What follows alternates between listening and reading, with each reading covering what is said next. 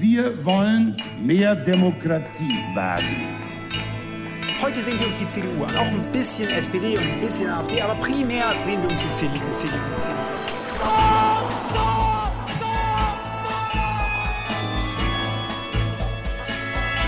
Niemand hat die Absicht, eine Mauer zu errichten. Ich weiß, ich habe heute Morgen in den Spiegel geguckt und dachte, jetzt sind die Hotte Bitch. Werden schon in wenigen Jahren blühende Landschaften, blühende Landschaften geworden sein. Früher waren wir Lametta. Wir haben so vieles geschafft, wir schaffen das. Herzlich velkommen til episode 93 av Tyskerne med Ingrid Brekke. og Kai Schwind. I dag snakker vi om politiske talkshows på tysk TV. Fordi der finnes det mange. Veldig mange, faktisk. Og sommeren er jo i gang, så Ingrid har tatt med seg en bok hun vil anbefale å lese i strandstolen eller på kafé, fordi nå kan vi jo det igjen! Både i Norge og Tyskland. Hurra! Hurra! De landene åpner opp. Det ble gøy. Men først, altså TV. Politiske talkshows på TV. Dere som følger oss eh, regelmessig, har jo hørt at vi refererer til de iblant. Sånne rare navn som Anne Will eller Markus Lanz eller Sandra Meisberger. Disse superkjente, i Tyskland i hvert fall, politiske journalister som har sitt eget talkshow, hvor alle disse høyprofilerte politikere dukker opp. De liker vi å se på, og du da spesielt, Ingrid. Eh, hvordan ser det ut? Hva får du med deg da? Jo, nei, jeg har en eh, stram timeplan, må jeg si. Men det er også noe med at jeg hadde mista litt sånn eh, tråden på dem, fordi under pandemien så handla jo alle bare om korona hele tida, og det orka jeg rett og slett ikke å se. Så jeg har hatt lang pause.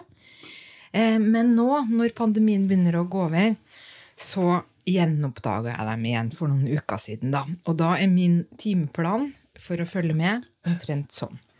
Søndag kvart på ni, Anne Will. Kvart på ti. Kvart på ti, selvfølgelig. Veldig viktig. Etter- etter etter tatort. Ja, selvfølgelig.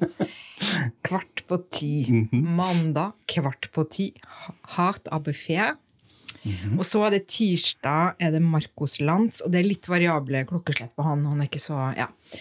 Eh, og onsdag er det da først Maischberger Die Woche, og så Marcos Lanz. Han har nemlig tre i uka. Og torsdag er det da først May-Britt Ilner, og så er det Marcos Lanz igjen. Så dette er litt av et uh, kjør, og jeg må jo innrømme at jeg tilhører dem som syns at de noen ganger er litt sent på kvelden, så da ser jeg dem på morgenen i stedet. Det er lov. Da ser du de etterpå. Okay. Ja, og så ser jeg ikke Jeg må jo innrømme at jeg prøver å holde litt sånn oversikt, men jeg ser ikke alle hver gang, for jeg vurderer litt etter om jeg syns det er interessant tema og sånn, da. Ja. Ja. Uansett er jo det som man snakker om i de talkshowene, litt sånn snakkes dagen etter. Det tas opp av aviser og blir del av det landet snakker om hva som har skjedd på Absolutt. lands eller vill eller sånn. Så er det jo interessant å påpeke at altså, alle de eh, programmene du nevnte nå, dette er jo bare ARD og ZDF. Ikke sant? Ja. Altså, de har flere. På samme kanal har du egentlig sånn samme type talkshow uh, nesten hver ukedag, som er fascinerende, og søndag også, til og med med, med Anne Will. Vi tenkte vi skal se litt nærmere på de, men før vi gjør det, må jeg jo spørre deg, har du en favoritt av de? Altså, jeg hadde jo lenge Anne Will, -hmm. fordi at jeg likte så godt den der søndagssystematikken. For da kunne jeg først se Berichta hos Berlin, som er sånn politisk eh, TV ja, Hva skal man kalle det? Et slags magasin? Magasin, ja. Kanskje mm. sånn i sjutida. Mhm. Eh, og så var det da Tatort eh, Krim eh, kvart over åtte, og så var det da kvart på ti Anne Will. Den tyske gullrekka. Den tyske gullrekka, ja. Mm. Som er dypt Ja, det er ikke så underholdende, men dypt alvor. Nei da, det er begge deler. Men det pleide jeg å gjøre hver søndag. Eh, Men nå må jeg innrømme at jeg syns at Anne Will har blitt eh, mye kjedeligere. Mm. Så nå er egentlig min favoritt Marcos Lanz. -hmm. Ja. Jeg har blitt veldig eh, begeistra eh, for han, må jeg bare si. Altså, det har kanskje også noe med bredden i hvem som er med, fordi at Anne Will er jo per definisjon et eh, rent partipolitikkprosjekt, vil jeg Ja. nesten si. Så det kommer nesten bare toppolitikere, en og annen analytiker, ekspert og sånn. Men i Markus Land så er det da mye mer sånn en av hver, kanskje én politiker, kanskje to, men så er det gjerne en forfatter eller en skuespiller eller et eller annet sånt. Og så selvfølgelig nå, eh, pga. pandemien, har det jo også ofte vært en lege eller en virolog. Og så er de sammen, og så snakker de egentlig sammen om litt ulike tema. Så det blir større spredning og mer liv, da. Mhm, ikke sant? Så hvis man begynner å se litt nærmere på, så ser man jo forskjellene, kanskje. Du var jo allerede litt innpå. det har noe med gjestesammensetning å gjøre, og så med tematikk, hvordan ting ble, ble tatt opp. Og jeg er litt enig uh, i det med Markus Lanz, at han har kommet seg veldig i det siste. Funnet en slags profil. Vi skal se litt nærmere på han, men først må jeg kanskje nevne min favoritt Ja. også. Fordi jeg er veldig glad i Sandra Meyersberger. Dette er min favorittprogram, og det er kanskje måten Altså det er henne, selvfølgelig. Jeg syns hun er veldig dyktig journalist. Veldig smart. Og jeg liker også hvordan hun er, hvor konfronterende hun er på en ikke-irriterende måte. Det ble det jo også ofte kritisert for, de, disse journalistene. At de avbryter for mye, eller at de er for svake, eller sånt. For tafatt. Men hun er litt sånn akkurat på, riktig, på midten. Eh, Og kan være ganske her og har en veldig smart, veldig god oversikt over ting. Og det er kanskje det med Anne Will som du, som du sa nå, som jeg er helt enig i. Jeg vet ikke hva det er, og det diskuteres jo faktisk i tyske medier for tida. Hva har skjedd med Anne Will? Eh, At hun har blitt litt sånn vimsete, og eh, de siste sendingene jeg så, forsnakker hun seg nesten under hvert eneste spørsmål og ikke klare å styre den samtalen. Det er jo det som er utfordringen. Du har sånn fire-fem toppolitikere som sitter rundt, og så må alle inkluderes, alle må være med. Og så har plutselig Robert Habeck, eh, Habeck ikke sagt noe i 20 minutter. og sånt. Så hun har fått kritikk for det, og jeg syns det selv. Men Sandra Meyersberger har Det er, det er noe med det konseptet, fordi hun begynner programmet med en panel med journalister eller kommentatorer. Ofte er det tre. Og da prøver man å få med en sånn tematisk bredde. altså Da er det gjerne en fra et veldig konservativ avis, eller noen fra Bildzeitung også. Og så har du Taz eller Süddeutsche eller en politisk kommentator eller en annen programleder, og så må de begynne med å kåre ukens vinner og taper først. Så det er en sånn lett vei inn i samtalen. Ja. Og så begynner du å diskutere temaene, og så kommer intervjugjesten, uh, som får en sånn egen, som en slags solo. Da er det Meyersberger med f.eks. Anna-Lena Baerbock eller Amin Laschet i 20 minutter, uten at det er andre hun må forholde seg til. Ja, jeg så jo f.eks. på Larseth, og da så jeg jo akkurat det der hvordan hun pressa og pressa og pressa. Ja. Og han var jo også Han bare sto imot. Han lot seg liksom ikke presse. Og så virker det utrolig hardt. Eller det er jo veldig hardt. Men, men det, de er også enige om at dette er tonen. Så Ja. at det er jo ikke det at man blir sur eller sint eller sånn. Det er, det er nesten som en slags Det er kanskje stygt å si en slags spill, eller Ja, ja. Men det er veldig interessant å Ja. se på. Og det må vi komme tilbake til, fordi jeg mener at det er noe med denne, med denne tonaliteten i tyske talkshows og debattprogrammer som er ganske annerledes sammenlignet med Norge. Uh, Nettopp pga. det at det betyr ikke at man er sur, men dette er en litt sånn hard debattone som man kjører. Og ap- apropos Amin Laschet, dette er jo ganske avgjørende. Altså Hans opptreden i Meyersberger har jo fått kjempegode anmeldelser. Han har jo, står jo frem som mye hardere og bestemt yeah. nå, eh, som har det litt med temaet i den samtalen å gjøre, som jeg også så på. Men det er avgjørende for toppolitikere, og nå spesielt under valgkampen, eh, hvordan de klarer seg da. Og det er et spill, helt enig. Det er en retorisk, retoriske ferdigheter man, man spiller på.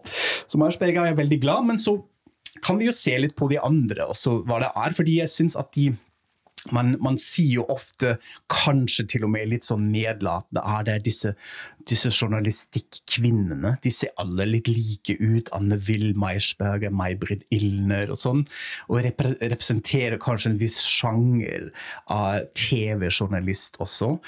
Eh, Men når man ser litt nærmere på, så er det jo kanskje noen forskjeller her. Altså Anne Will og Sandra Meyersberger representerer sånn klassiske øffentlich-rechtliche statskanalkarriere. De begynte uh, litt som uh, reportere eller hadde sånne ungdomsprogrammer, og så jobber de seg oppover og fikk etter hvert disse egne talkshow som har blitt superkjente profiler. Sandra Meyersberg er jo fra Bayern, altså fra Sør-Tyskland. uh, har en sånn interessant biografi. Jobber også som dokumentarfilmer. Hun har lagd masse spennende som dokumentar filmportretter. Hun har jobbet veldig tett med Helmut Schmidt, altså tidligere forbundskansleren, og lagde sånne veldig kjente portretter av han.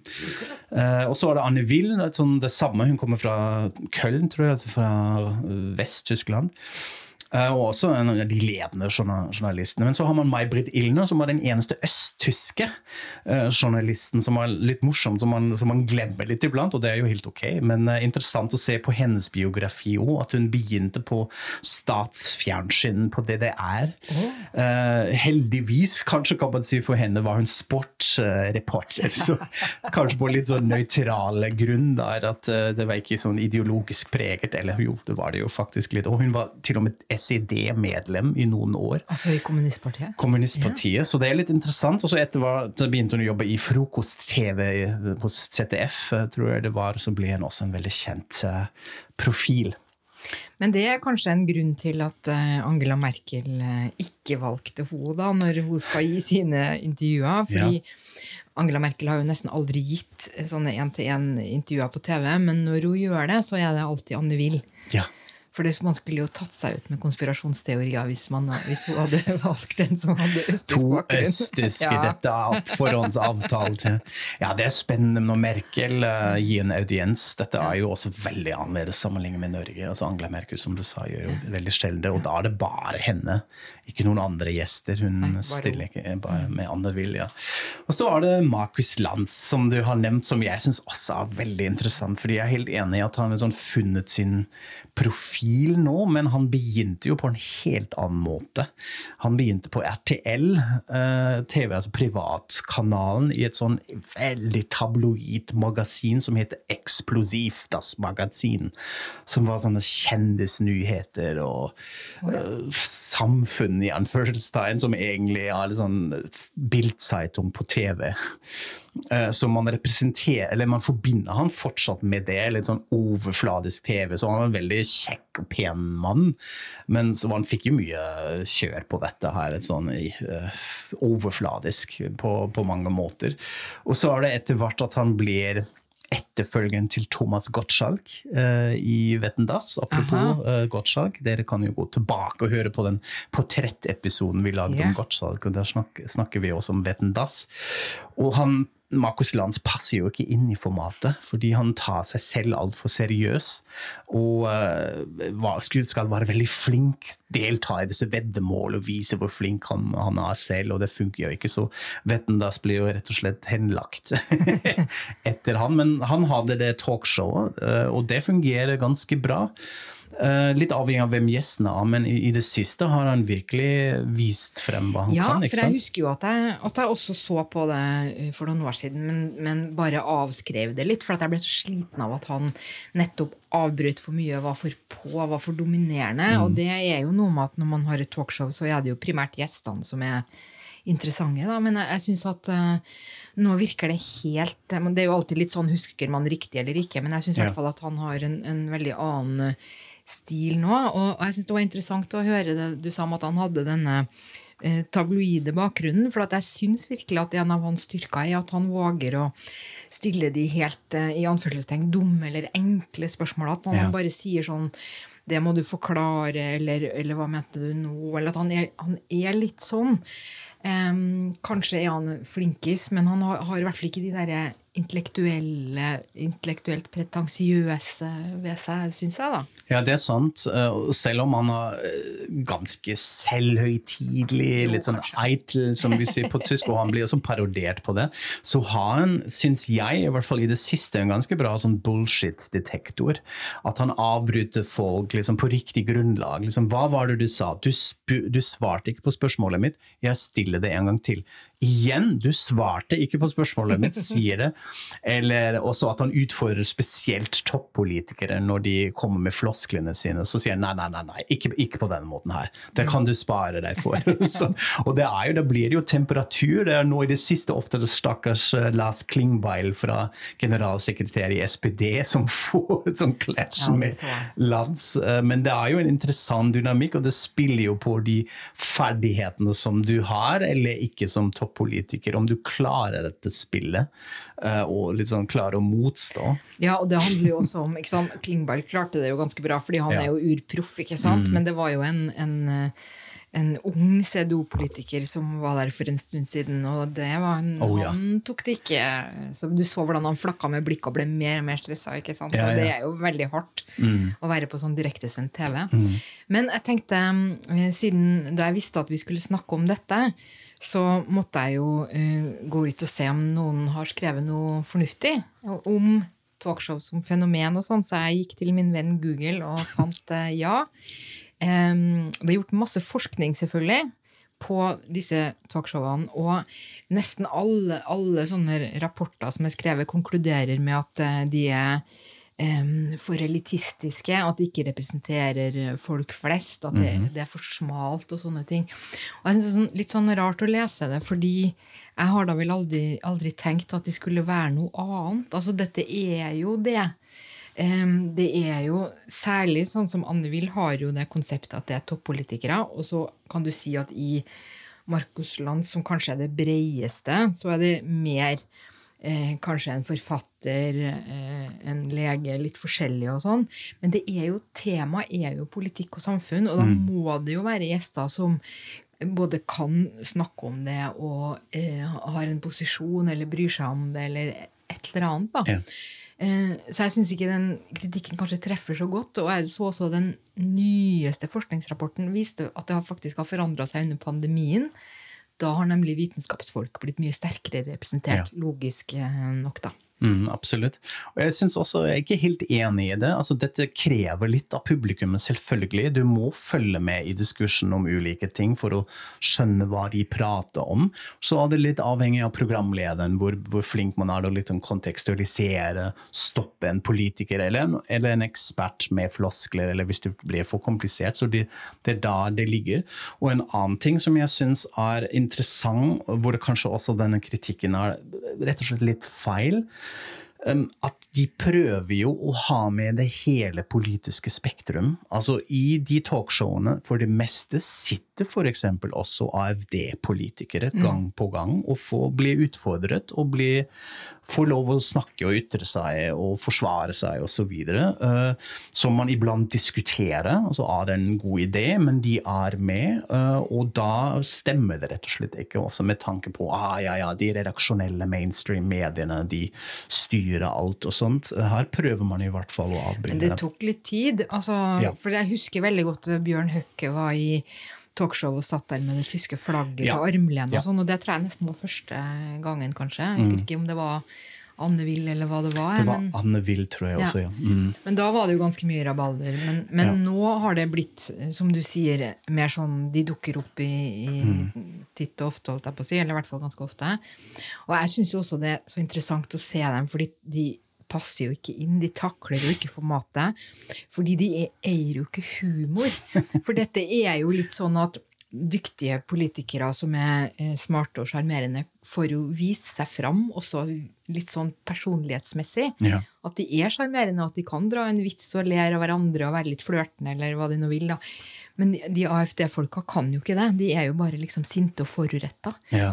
Og har et veldig begrensa spekter. Da. Så sånn sett så kommer de jo ganske dårlig ut av dette ønsket om å delta i sånne ting. ja, jeg er enig. Det er ofte litt sånn selvavslørende. Og så blir det jo også iblant litt ekstra bråk eller høy temperatur. Altså Alice Weidel for eksempel har jo også gått ut av talkshows og uh, ble sur på programlederen og angriper ja. de direkte og sånn. Mm. Det gjør Alexander Gauland også, har jeg sett hos Markus Land Lands eh, f.eks. Og som er veldig flink med å utfordre AFD-folk, faktisk.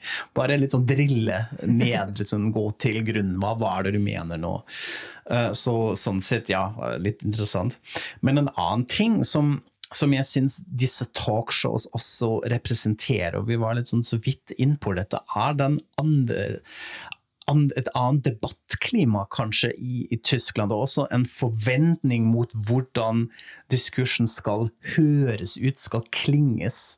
Uh, vi har jo dette ordet på tysk, streitkultur, uh, som jeg syns beskriver dette ganske bra. Jeg vet ikke om det fins på norsk på samme måte. Nei, vi har jo debattkultur, men Ja. det er kanskje ikke, det er ikke like sterkt. Nei, ikke egentlig. sant? Og da handler det jo Det er nesten sånn Går vi over i filosofien og Hegel og sånn, at man skal litt sånn operere med det. Tese, antitese. Vi må møtes et sted i midten.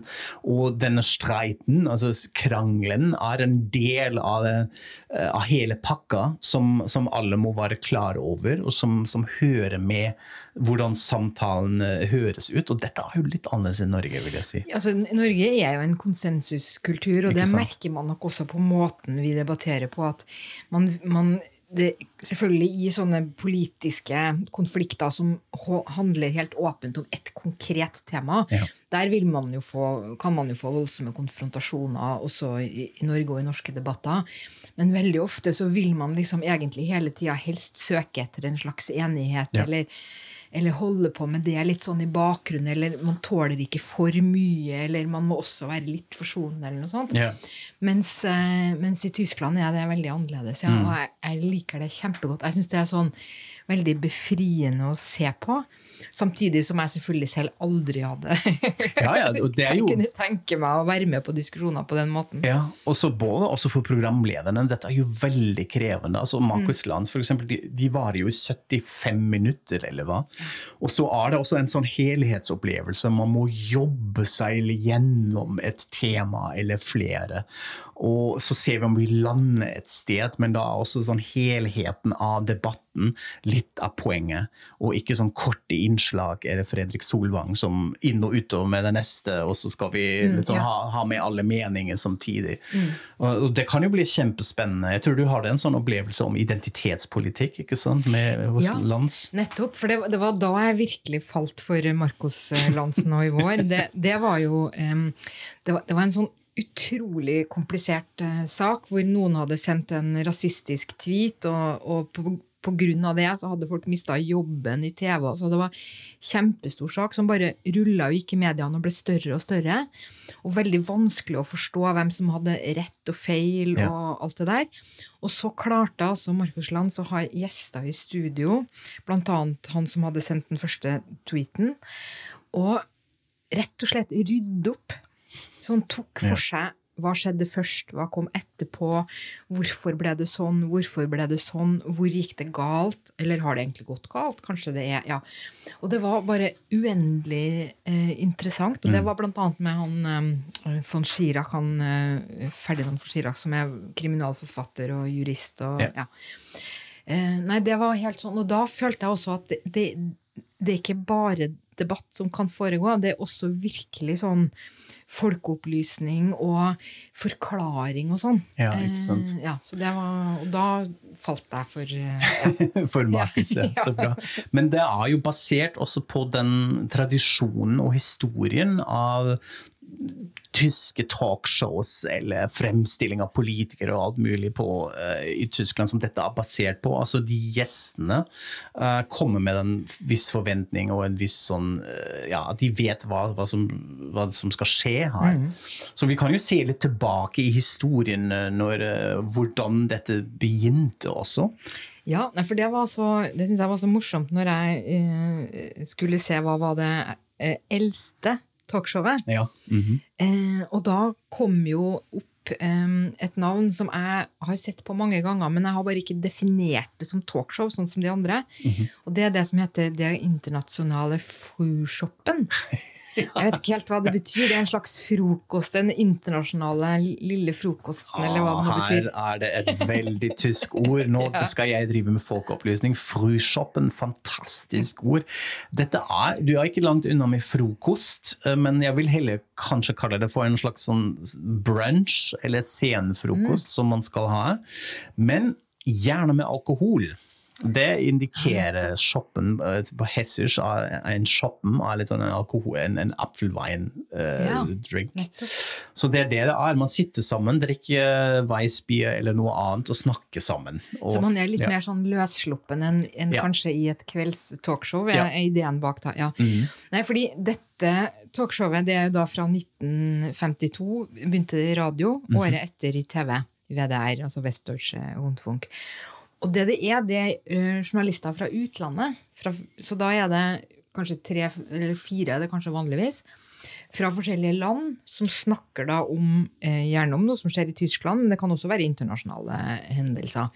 Og grunnen til at jeg eh, ikke helt har Eller, eller nå, når jeg eh, leste meg opp nå, så forsto jeg plutselig at det jeg trodde var ett program, det er to programmer. For det er dette, og så er det noe som heter ARD presse, press, Presseklubb. Ja. Og det er jo da eh, Det går på samme tid, på søndager, hver sin gang. Eh, klokka tolv, er det vel. Og den presseklubben, da er det tyske journalister. Det er fire tyske journalister Ja. eh, fra forskjellige deler av Tyskland som snakker om et tysk eller et internasjonalt tema. Eh, og jeg, jeg ser det ikke så ofte, men jeg hører det alltid på, vanligvis på podkast. De legger det ut. Og dette er jo kjempeinteressant. Kanskje mest altså, også særlig for journalister, gjerne. Ja. Men det er også morsomt fordi det er alltid innringing etterpå.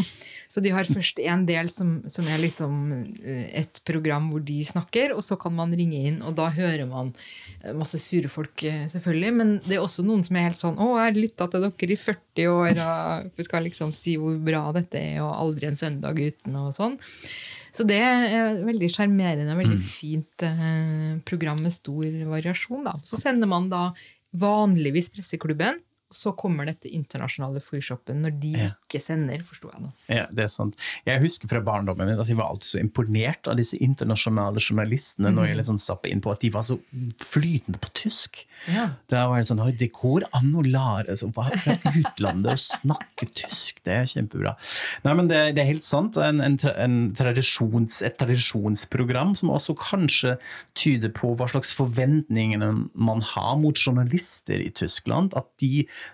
anses som eksperter på ulike områder, og at eh, man legger opp til programmene. Dette er jo en sånn intern medielogikk. Medier liker jo å snakke om seg selv. Men uansett, da har du også det at, man, at her er journalistene som skal ha meninger. Det er også, man går litt bort fra denne nøytralitets... Nå kaller jeg det litt polariserende tyranniet som man iblant kan oppleve her i Norge, syns jeg. At alle meninger er like verdt og alt det der. Eh, Men her er det liksom, du skal ha standpunkt, du skal ha en konfronterende mening som det, journalist. ja, det, men det er veldig annerledes, fordi at i Norge har vi jo dette um, grunnleggende skillet mellom en journalist som er reporter eller nyhetsjournalist, og en journalist som er kommentator. Så i, i Norge vil, tror jeg nesten bare kommentatorer ville kunne Ja, deltatt i dette. Absolutt. Mens ja. i Tyskland så skiller man ikke. Og det er kjempeinteressant. Det er interessant, og jeg var og litt, litt frekk her nå. Altså, det er jo selvfølgelig akkurat som du, du sa litt mer presis enn det jeg ble drevet med her. Men det som er interessant av den andre biten, at eh, man viser også Det er en transparens, altså en sånn anvendt mediekritikk selv, som, Ja. som det tyder på. Og det ser vi jo til i dag. F.eks. i en av våre favorittpodkaster, Deutschlandfunk Politikk-podkast. Da sitter jo journalister sammen. De har litt sånn ulike tematiske områder hvor de har eksperter, de følger med et visst parti. Men de snakker også sammen hvordan de rapporterer, hvordan de snakker om ting. Stiller kritiske spørsmål til hverandre. Eh, Var det lurt at vi gikk med Friedrich Merz sin agenda her, osv.? Og det syns jeg er kjempeviktig. og en sånn demokratisk prosess innenfor medier. Det, Ja. det er veldig fint. Ja, nei, absolutt. Og det Mm. er også annerledes enn enn i Norge at man kritiserer hverandre mye mer. Ja. Mm. Altså at man kan sitte og diskutere Spiegels dekning Ja, eh. Mm. når man jobber i andre medier, mm. på TV og sånn. sånn. Og det, man gjør det lite grann her òg, men det sitter mye lenger inne, da. Mens i Tyskland er det en hverdagslig sak. Ja, ikke sant? Så det er det ene. Og den andre tradisjonen som disse talkshows speiler til i dag, er jo kanskje disse portrettintervjuene. Altså at man går i en sånn one-on-one clinch med en politiker eller profilert eh, person, eh, som jeg mener er også litt mer utbredt i Tyskland, eller rett og slett en, en, en tradisjon. Og da tenker jeg hovedsakelig på Gunther Gauss, en veldig anerkjent journalist som først jobber som printjournalist, og etterpå fikk sitt eget TV-program som heter Zur Person, som han begynte med på 60-tallet, og egentlig gjorde det helt til han døde i jeg tror det var 2004, under De ulike er veldig navn. lange, alle disse Lange, etablerte, ja. Og lang er et stikkord her òg, fordi det er sånn en time pluss, bare én gjest, eh, og som da blir grilla på høyst eh, intellektuell nivå. Og når man ser på gjestelisten til Gunther Gauss, dette er helt utrolig. Altså, det er en lang liste, men jeg bare tar med noen navn her. Ludwig Erhard, Herbert Wehner, Franz Josef Strauss, Willy Brandt, Konrad Adenauer. Altså det er his politiske historier til etterkrigshistorie her i Tyskland. Ja. Alle forbundskansler var der. Skuespillere som Gust Gustav Gründgens, eh, filosofen Hannah Arendt, Gunther Grass, forfatter, de var å snakke med uh, Gunther Gauss. Man kan se noe av de programmene på YouTube uh, fortsatt. Veldig fascinerende intellektuelle samtaler med masse røyking. Alle røyker. Iblant ser man ikke gjestene engang, fordi det er så mye rauchnebel. Og så husker jeg, Det er jo tidsdokumenter også. Det er en som jeg husker spesielt eh, når jeg så den på YouTube en gang. En samtale med Rudi Dutschke, altså studentlederen eh, som dominerte 68-bevegelsen, i samtalen med Gunther Gauss, som er en konservativ journalist, som utfordrer han, og de har en sånn klassisk streitgespräch, og Rudi Dutschke må forsvare seg. Eh, Og dette er veldig fascinerende å se på, så dette anbefaler vi. Og så ble det jo litt mer kanskje amerikanisert etter hvert. Eh, eh, Talkshow-formatet det er jo veldig annerledes i USA. Disse late night show-tradisjoner hvor alt er nesten sånn avtalt på forhånd, og så spiller man utelukket på humor og skal promotere en bok eller film eller plate eller sånn. Det har vi jo også.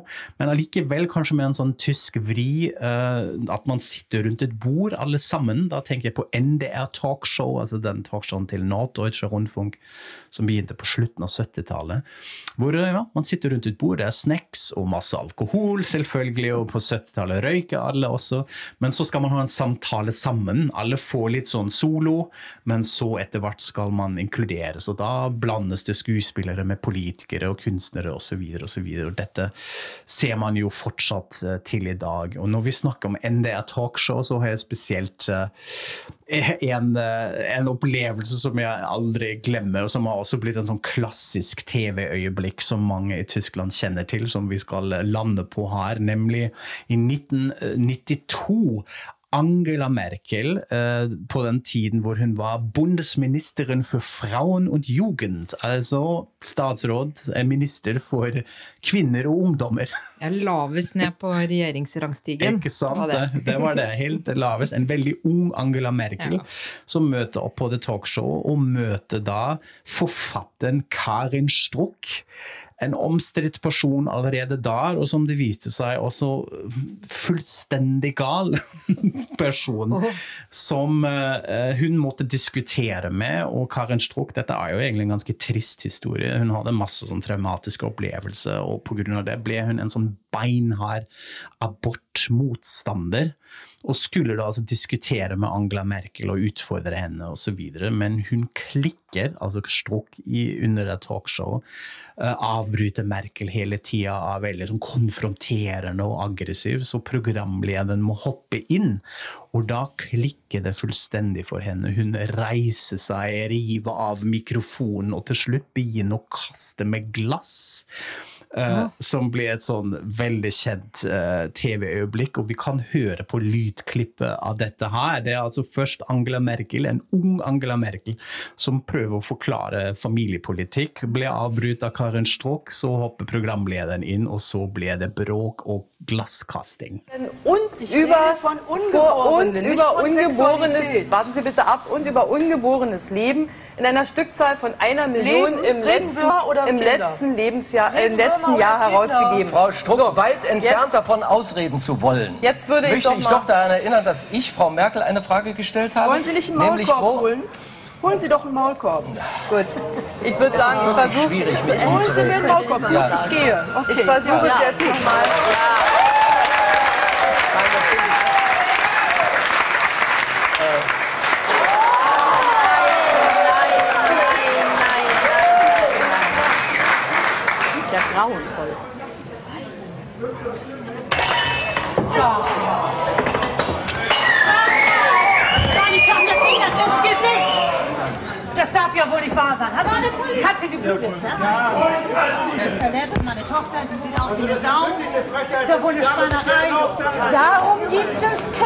der Welt. Ne? Ja. Men Ingrid, du har ikke bare sett på TV. Du har også klart å lese en roman! For en gangs skyld, fordi du leser jo bare noen andre fag, eh, politisk litteratur. Og den likte du så godt at du fikk lyst til å anbefale det. Hva er dette? Det gjorde jeg. Nei, denne romanen den, har da, den er et par år eh, gammel, eller det er et par år siden den kom ut på tysk. Eh, Den har ligget på bestselgerlistene kjempelenge. Eh, fått enormt gode kritikker både i Tyskland og nå også i Norge. Og eh, det, han som har skrevet den, har ikke et tysk navn. Han heter nemlig Sasha Stanisic, tror jeg kanskje man Tror uttaler det. Ja. Det er et bosnisk navn.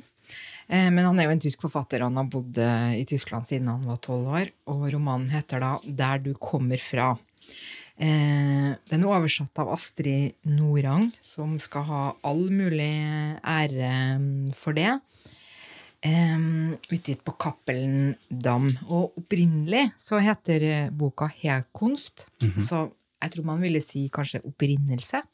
Men det høres jo litt sånn her evolusjonsteorien eller dinosauraktig eller jeg vet Ja, ikke. det Det er er, noe slags vitenskapelig ved det, eller noe sånt. Så dette syns jeg er mye finere. Det syns jeg òg. Der du kommer fra, det kan være et sted, men det kan også bety noe annet. ikke sant? Det, Ja. det, er litt, det fanger det opp litt bedre på norsk, syns jeg. Også. Ja, det er Mm. litt sånn poetisk, det Ja. hele. Ja. Jeg skal ikke gå så veldig mye inn i sånn handlingsreferat og sånn, for dette er en roman som ikke på noe vis er kronologisk. Det er ikke en klassisk fortelling. Men det er eh, Han forteller han, uh, det, Den handler jo eh, man kan kanskje ikke si selvbiografisk, men den handler delvis om han selv, eller eh, bygger på hans egen historie. Eh, han kommer da eh, Han er født i 1976. Uh, og, og grunnen til at han kommer til Tyskland, er jo at uh, de måtte flykte under krigen i, til, en av krigene i tidligere Jugoslavia. Og, og han kommer fra en familie der faren uh, hadde vel serbisk uh, bakgrunn, og mora var bosnisk muslim.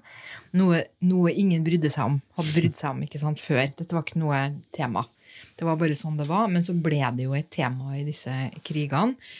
Og fordi de bodde i De kom vel fra De bodde i Visegrad.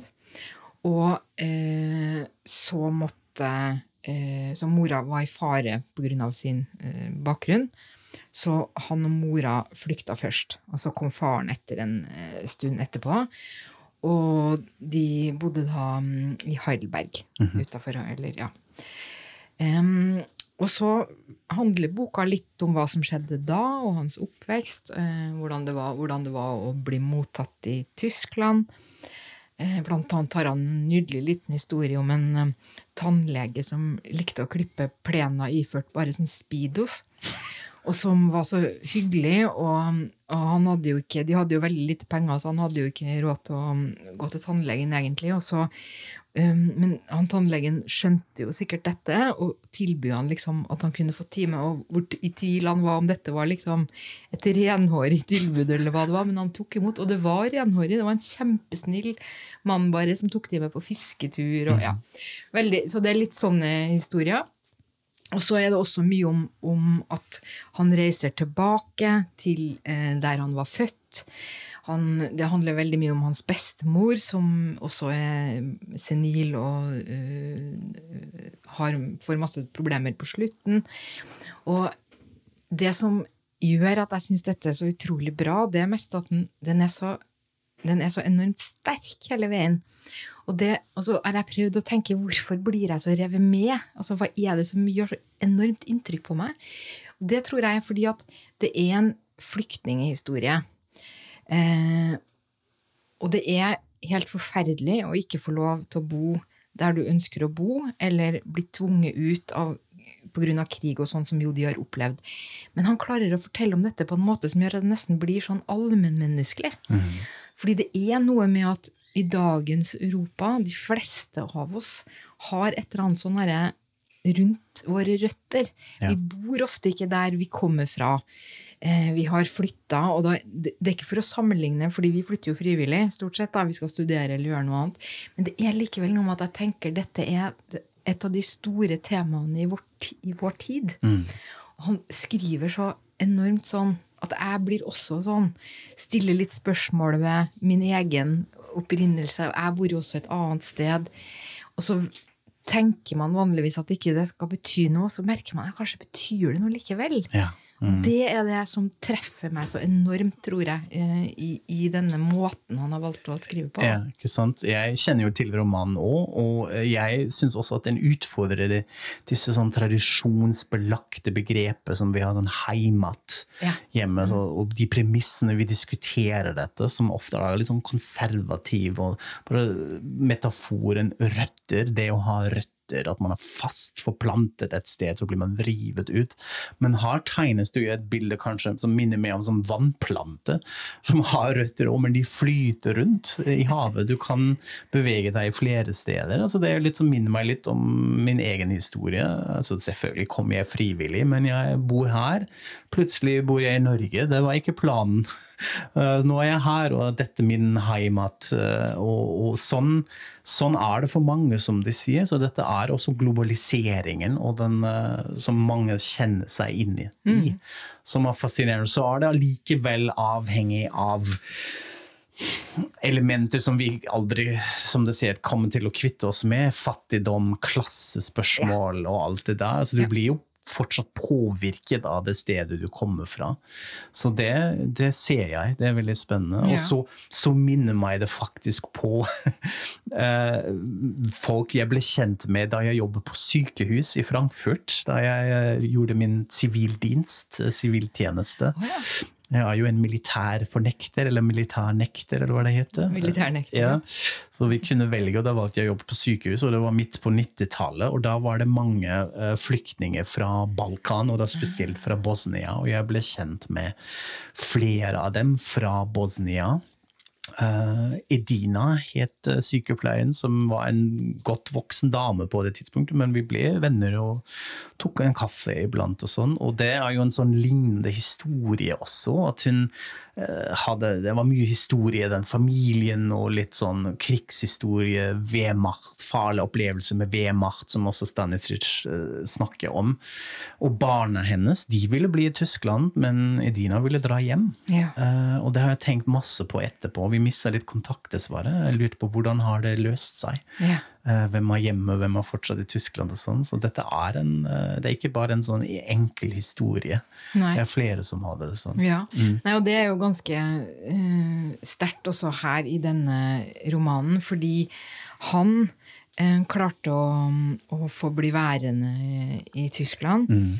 Uh, og han forteller også veldig underholdende om hvordan han klarte å overbevise eh, folk på sånne offentlige kontorer, altså sikkert Utlendingsdirektoratet eller noe, da, om at han eh, var jo tysk forfatter. Han hadde liksom så vidt hatt en novelle på trykk eller noe, akkurat liksom begynt, da, veldig ung. Ja.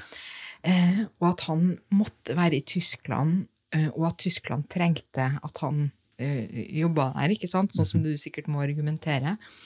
Eh, og da fikk han Han greide det. Han fikk bli. eh, og eh, hvordan han klarte det, det er jo utrolig imponerende. Og da fikk han jo også forbud mot å jobbe med noe annet. Da. Det er liksom en betingelse, men du får bare være forfatter. Du må bli bestselgerforfatter ja, nå. Det er ikke det. Så det er jo ganske flott, da. Men hans foreldre de hadde det mye dårligere, fordi at de ble tvangsreturnert.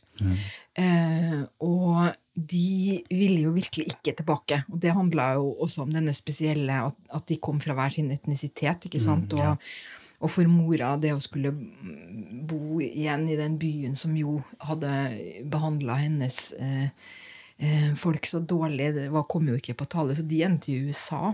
Ja. Så dette er jo en typisk sånn krigspulverisert eh, familie i og for seg. ikke sant? Og så bor han da i Hamburg og har en liten sønn som er eh, fra Hamburg. Ja, ikke Ja. Spennende. En, så mye håp også, ikke sant, i den boka. Det er ikke en trist historie. Nei, det er ikke Mm. trist. Altså, det er ikke trist, for det går jo bra. Mm. Det, er, det er mer sånn veldig sånn livet selv. Altså, mye er tungt og vanskelig, noe er lett og morsomt. Og så blir jeg, ofte, jeg blir veldig veldig rørt av den boka, men det er mer nettopp fordi den er så utrolig godt skrevet, og tre, derfor treffer liksom rett i hjertet og sånn. Men det er ikke trist, det er, og det går jo bra med han. og og, og, men det er disse hele tida betraktningene da, som han treffer så veldig godt på. Hvordan vi mennesker er, hvordan vi behandler hverandre, og kanskje hvordan vi skulle ønske at vi behandla hverandre. Mhm. Veldig fint. Perfekt sted å avslutte her. Takk for den anbefalingen. Da runder vi av. Følg oss på Facebook og Instagram, og støtt oss gjerne på Patrion. Det maser vi mye om. Ja, hvorfor det? Fordi de som støtter oss, får nemlig noen goodies, da. Mm, så det er verdt å gjøre det. Så vi sier takk for oss, og auf Wiederhören. Auf Wiederhören.